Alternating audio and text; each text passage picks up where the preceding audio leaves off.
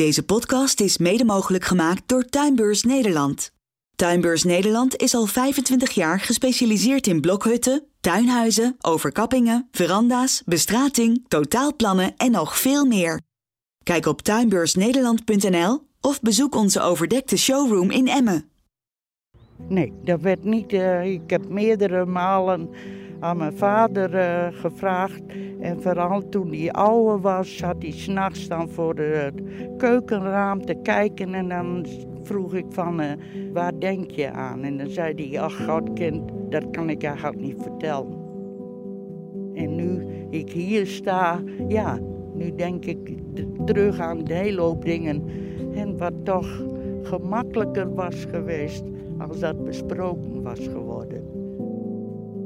Je luistert naar Hongerige Wolf, een podcast van Dagblad van het Noorden, waarin we je elke twee weken bijpraten over één actueel onderwerp.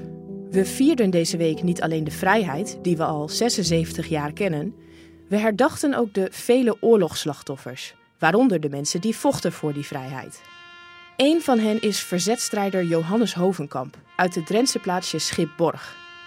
In 1942 pleegde hij een verzetstaat die het leven van veel mannen en vrouwen in het verzet zou sparen. Dit is het verhaal over een vergeten verzetstrijder en de worsteling voor een passend eerbetoon. Hier is het gebeurd. Als we dit uh, stukje bos inlopen, ongeveer 20, 30 meter, en iets naar rechts, daar is het gebeurd. Daar uh, hebben uh, Johannes en zijn verzetsbroeders Kort Spaans en Jan Verdongen de infiltrant Isaac Anton geliquideerd. Je hoorde amateurhistoricus Bert Staats. Hij dook in het leven van Johannes Hovenkamp. Johannes werd als zesde van negen kinderen op 16 oktober 1913 geboren in Schipborg in de gemeente Tinalo. Er is één foto van hem online te vinden. Het sepia-kleurige portret moet van rond 1933 zijn, toen hij als militair vertrok naar Nederlands-Indië. Johannes is dan 20. Hij kijkt vriendelijk de lens in. Door het babyvet op zijn wangen lijkt hij jonger dan hij eigenlijk is. Zijn lippen zijn vol en zijn haar heeft hij in een keurige middenscheiding. Vijf jaar na zijn vertrek keert hij terug naar Nederland. Bij aankomst leert hij Petronella kennen. Zij is pas gescheiden en heeft een dochtertje. Johannes trouwt met haar en behandelt het meisje als zijn eigen kind. Ze keren samen terug naar Schipborg. In de Tweede Wereldoorlog sluit hij zich aan bij het verzet. Een agent van de Sicherheidsdienst, de Duitse geheime dienst, infiltreert in die tijd in verzetsgroepen door het hele land. Van tientallen verzetsmannen geeft deze Isaac Dane de namen door aan de Duitsers. De meeste van hen werden opgepakt en vermoord. Dat moet stoppen. De verzetsgroep waar Johannes bij hoorde, lokt Isaac Dane naar een bos in Schipborg. Op die plek sta ik nu, met amateurhistoricus Bert Staats. Hij deed onderzoek naar wat er hier, nu bijna 78 jaar geleden, gebeurde. Ze lokten hem naar Drenthe toe en Dane die infiltreerde in de verzetsgroep van de knokploeg in, in Groningen. En uh, op een uh, goeiedag gingen ze hier naartoe en uh, Johannes had inmiddels een, een graf gegraven. Die had s ochtends al een voorbereiding getroffen en die had al een gat gegraven. En toen ze met, z'n vieren daar stonden, toen hebben ze hem liquideerd en het nou, gat gegooid zeg maar en, en dichtgegooid. Maar de SD die wist de gang van zaken van Van Dane en die vertrouwde dat niet. Die ging op onderzoek uit en die kwamen al gauw bij dit graf. Johannes en zijn verzetsmaten vergeten iets cruciaals. Ze hebben hem eh, in een graf uh, gedeponeerd en uh, ze hebben hem niet onderzocht naar, aan zijn kleding. En aan zijn kleding had hij een, een, boekje en daar zaten alle verzetsnamen die waren daarin vernoemd. Dus om vijf uur smiddags werd Johannes al gearresteerd hier uh, bij zijn woning hier in de Stribben. Uh, toen uh, hebben ze nog overwogen, de, de, SD, om hem voor de bijenkorven hier neer te leggen. Ze hebben nog overwogen om hem te besprenkelen met, met suikerwater. Om hem maar ja, toch te bewegen dat hij dus antwoorden zou geven. Dat heeft hij niet gedaan. Het zou een gruwelijke mishandeling geweest zijn. De Duitsers brengen Johannes naar het Scholtenhuis in de stad Groningen. Verzetstrijders werden er gevangen genomen, verhoord en beestachtig mishandeld. Een paar dagen later is hij eh, getransporteerd naar, uh, naar het uh, Oranje Hotel. Eind 42 december is hij overgeplaatst naar het kamp Amersfoort.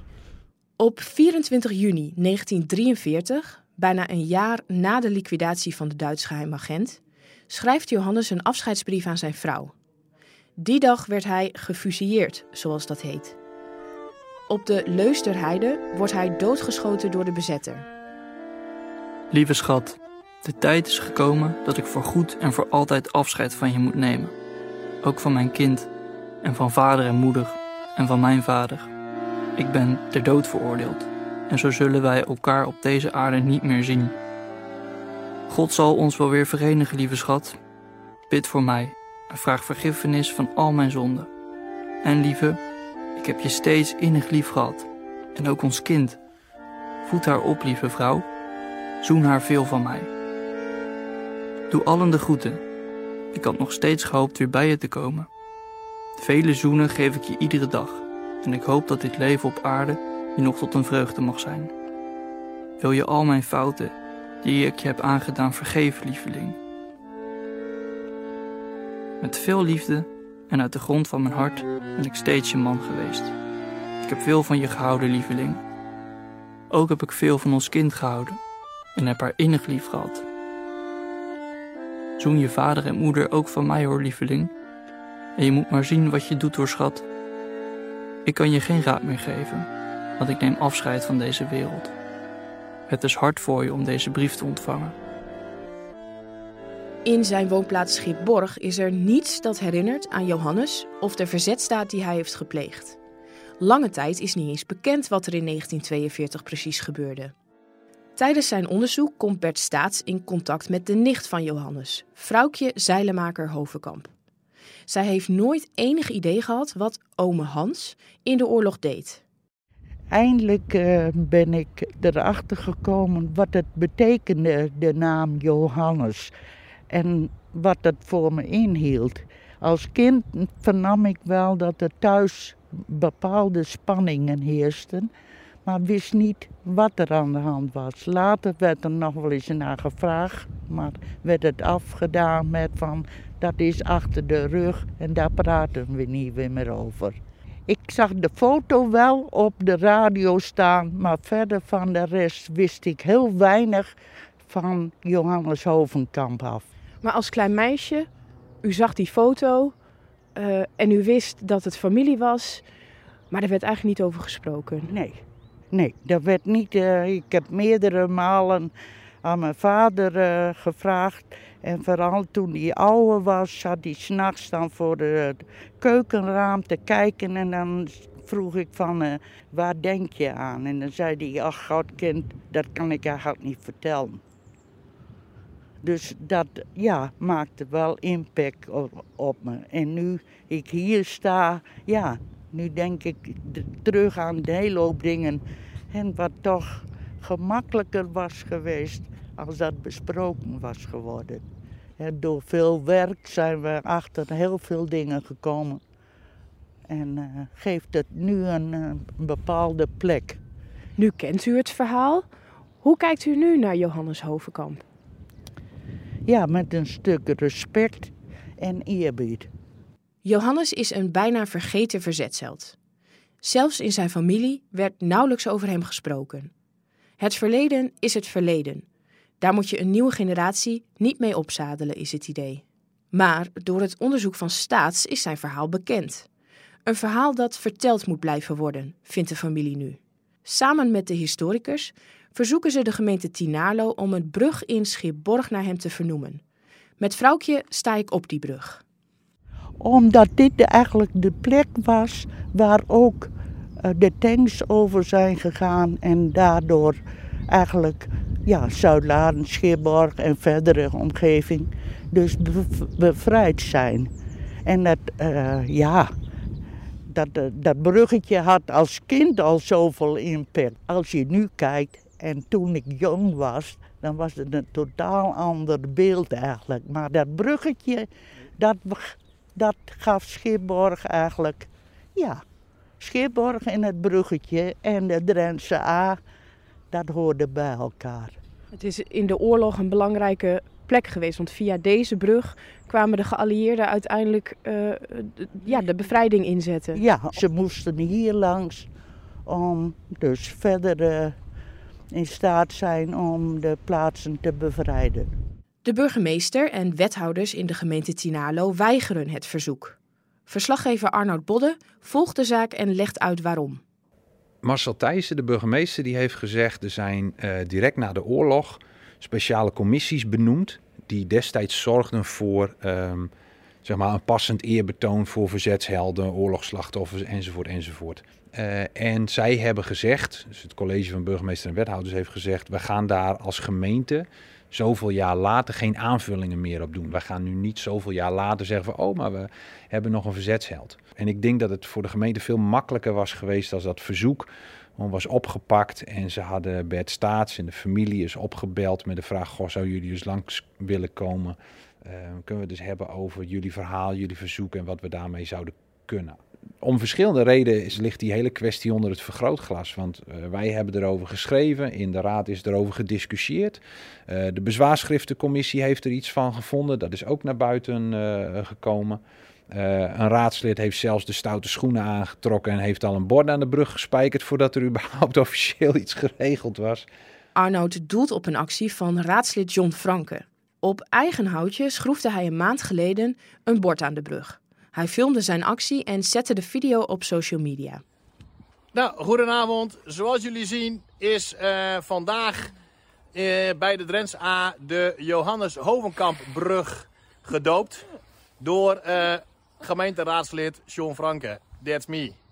En waarom? Omdat ik mij er enorm aan gestoord heb in de discussie afgelopen week in de gemeenteraad.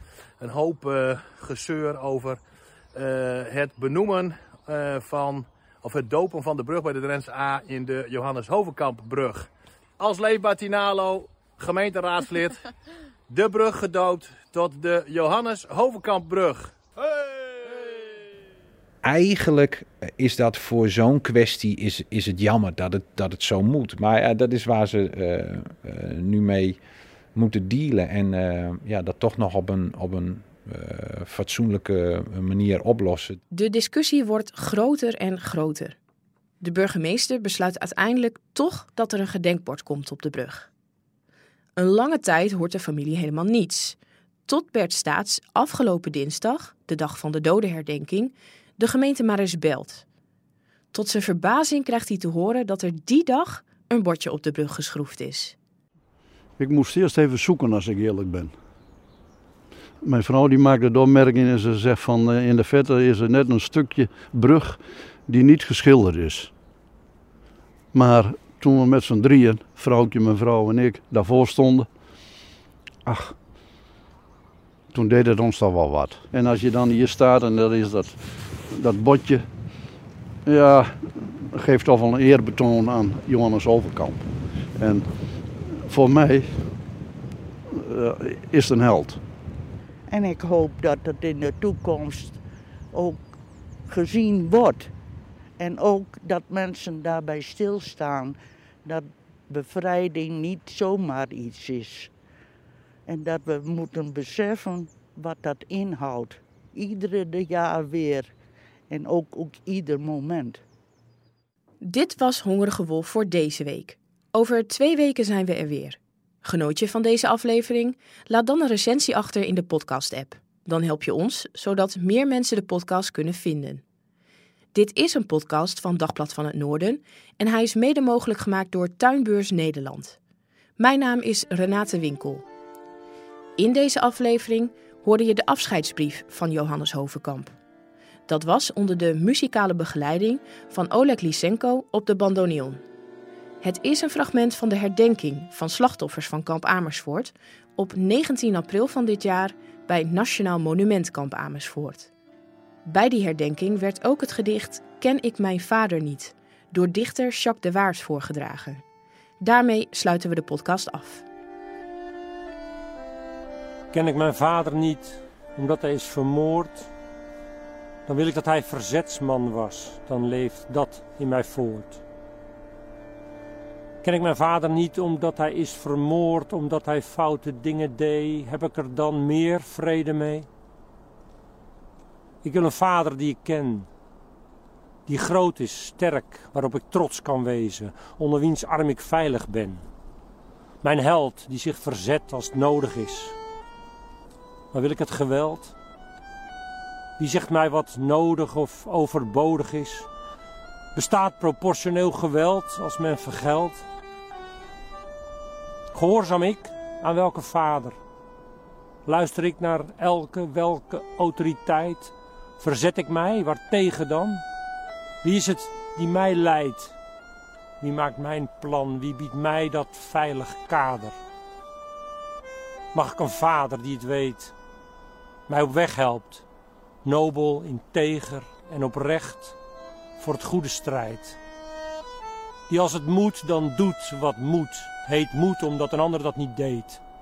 Zal ik strijden zoals jij streed? En dan opeens sta je terecht. Kom je om in onrecht terecht, wordt omgelegd. Een goed of slecht, wie wil er niet een vader, wie wil er een verrader? En of het spijt of speet en of ik lijd of leed, bewaar me en waak. Er is geen winnaar na de wraak. Ik zoek het kind dat er nog niets van vindt, dat niets nog is beslist. Maak dat er een vader is, nog voor er wordt gemist.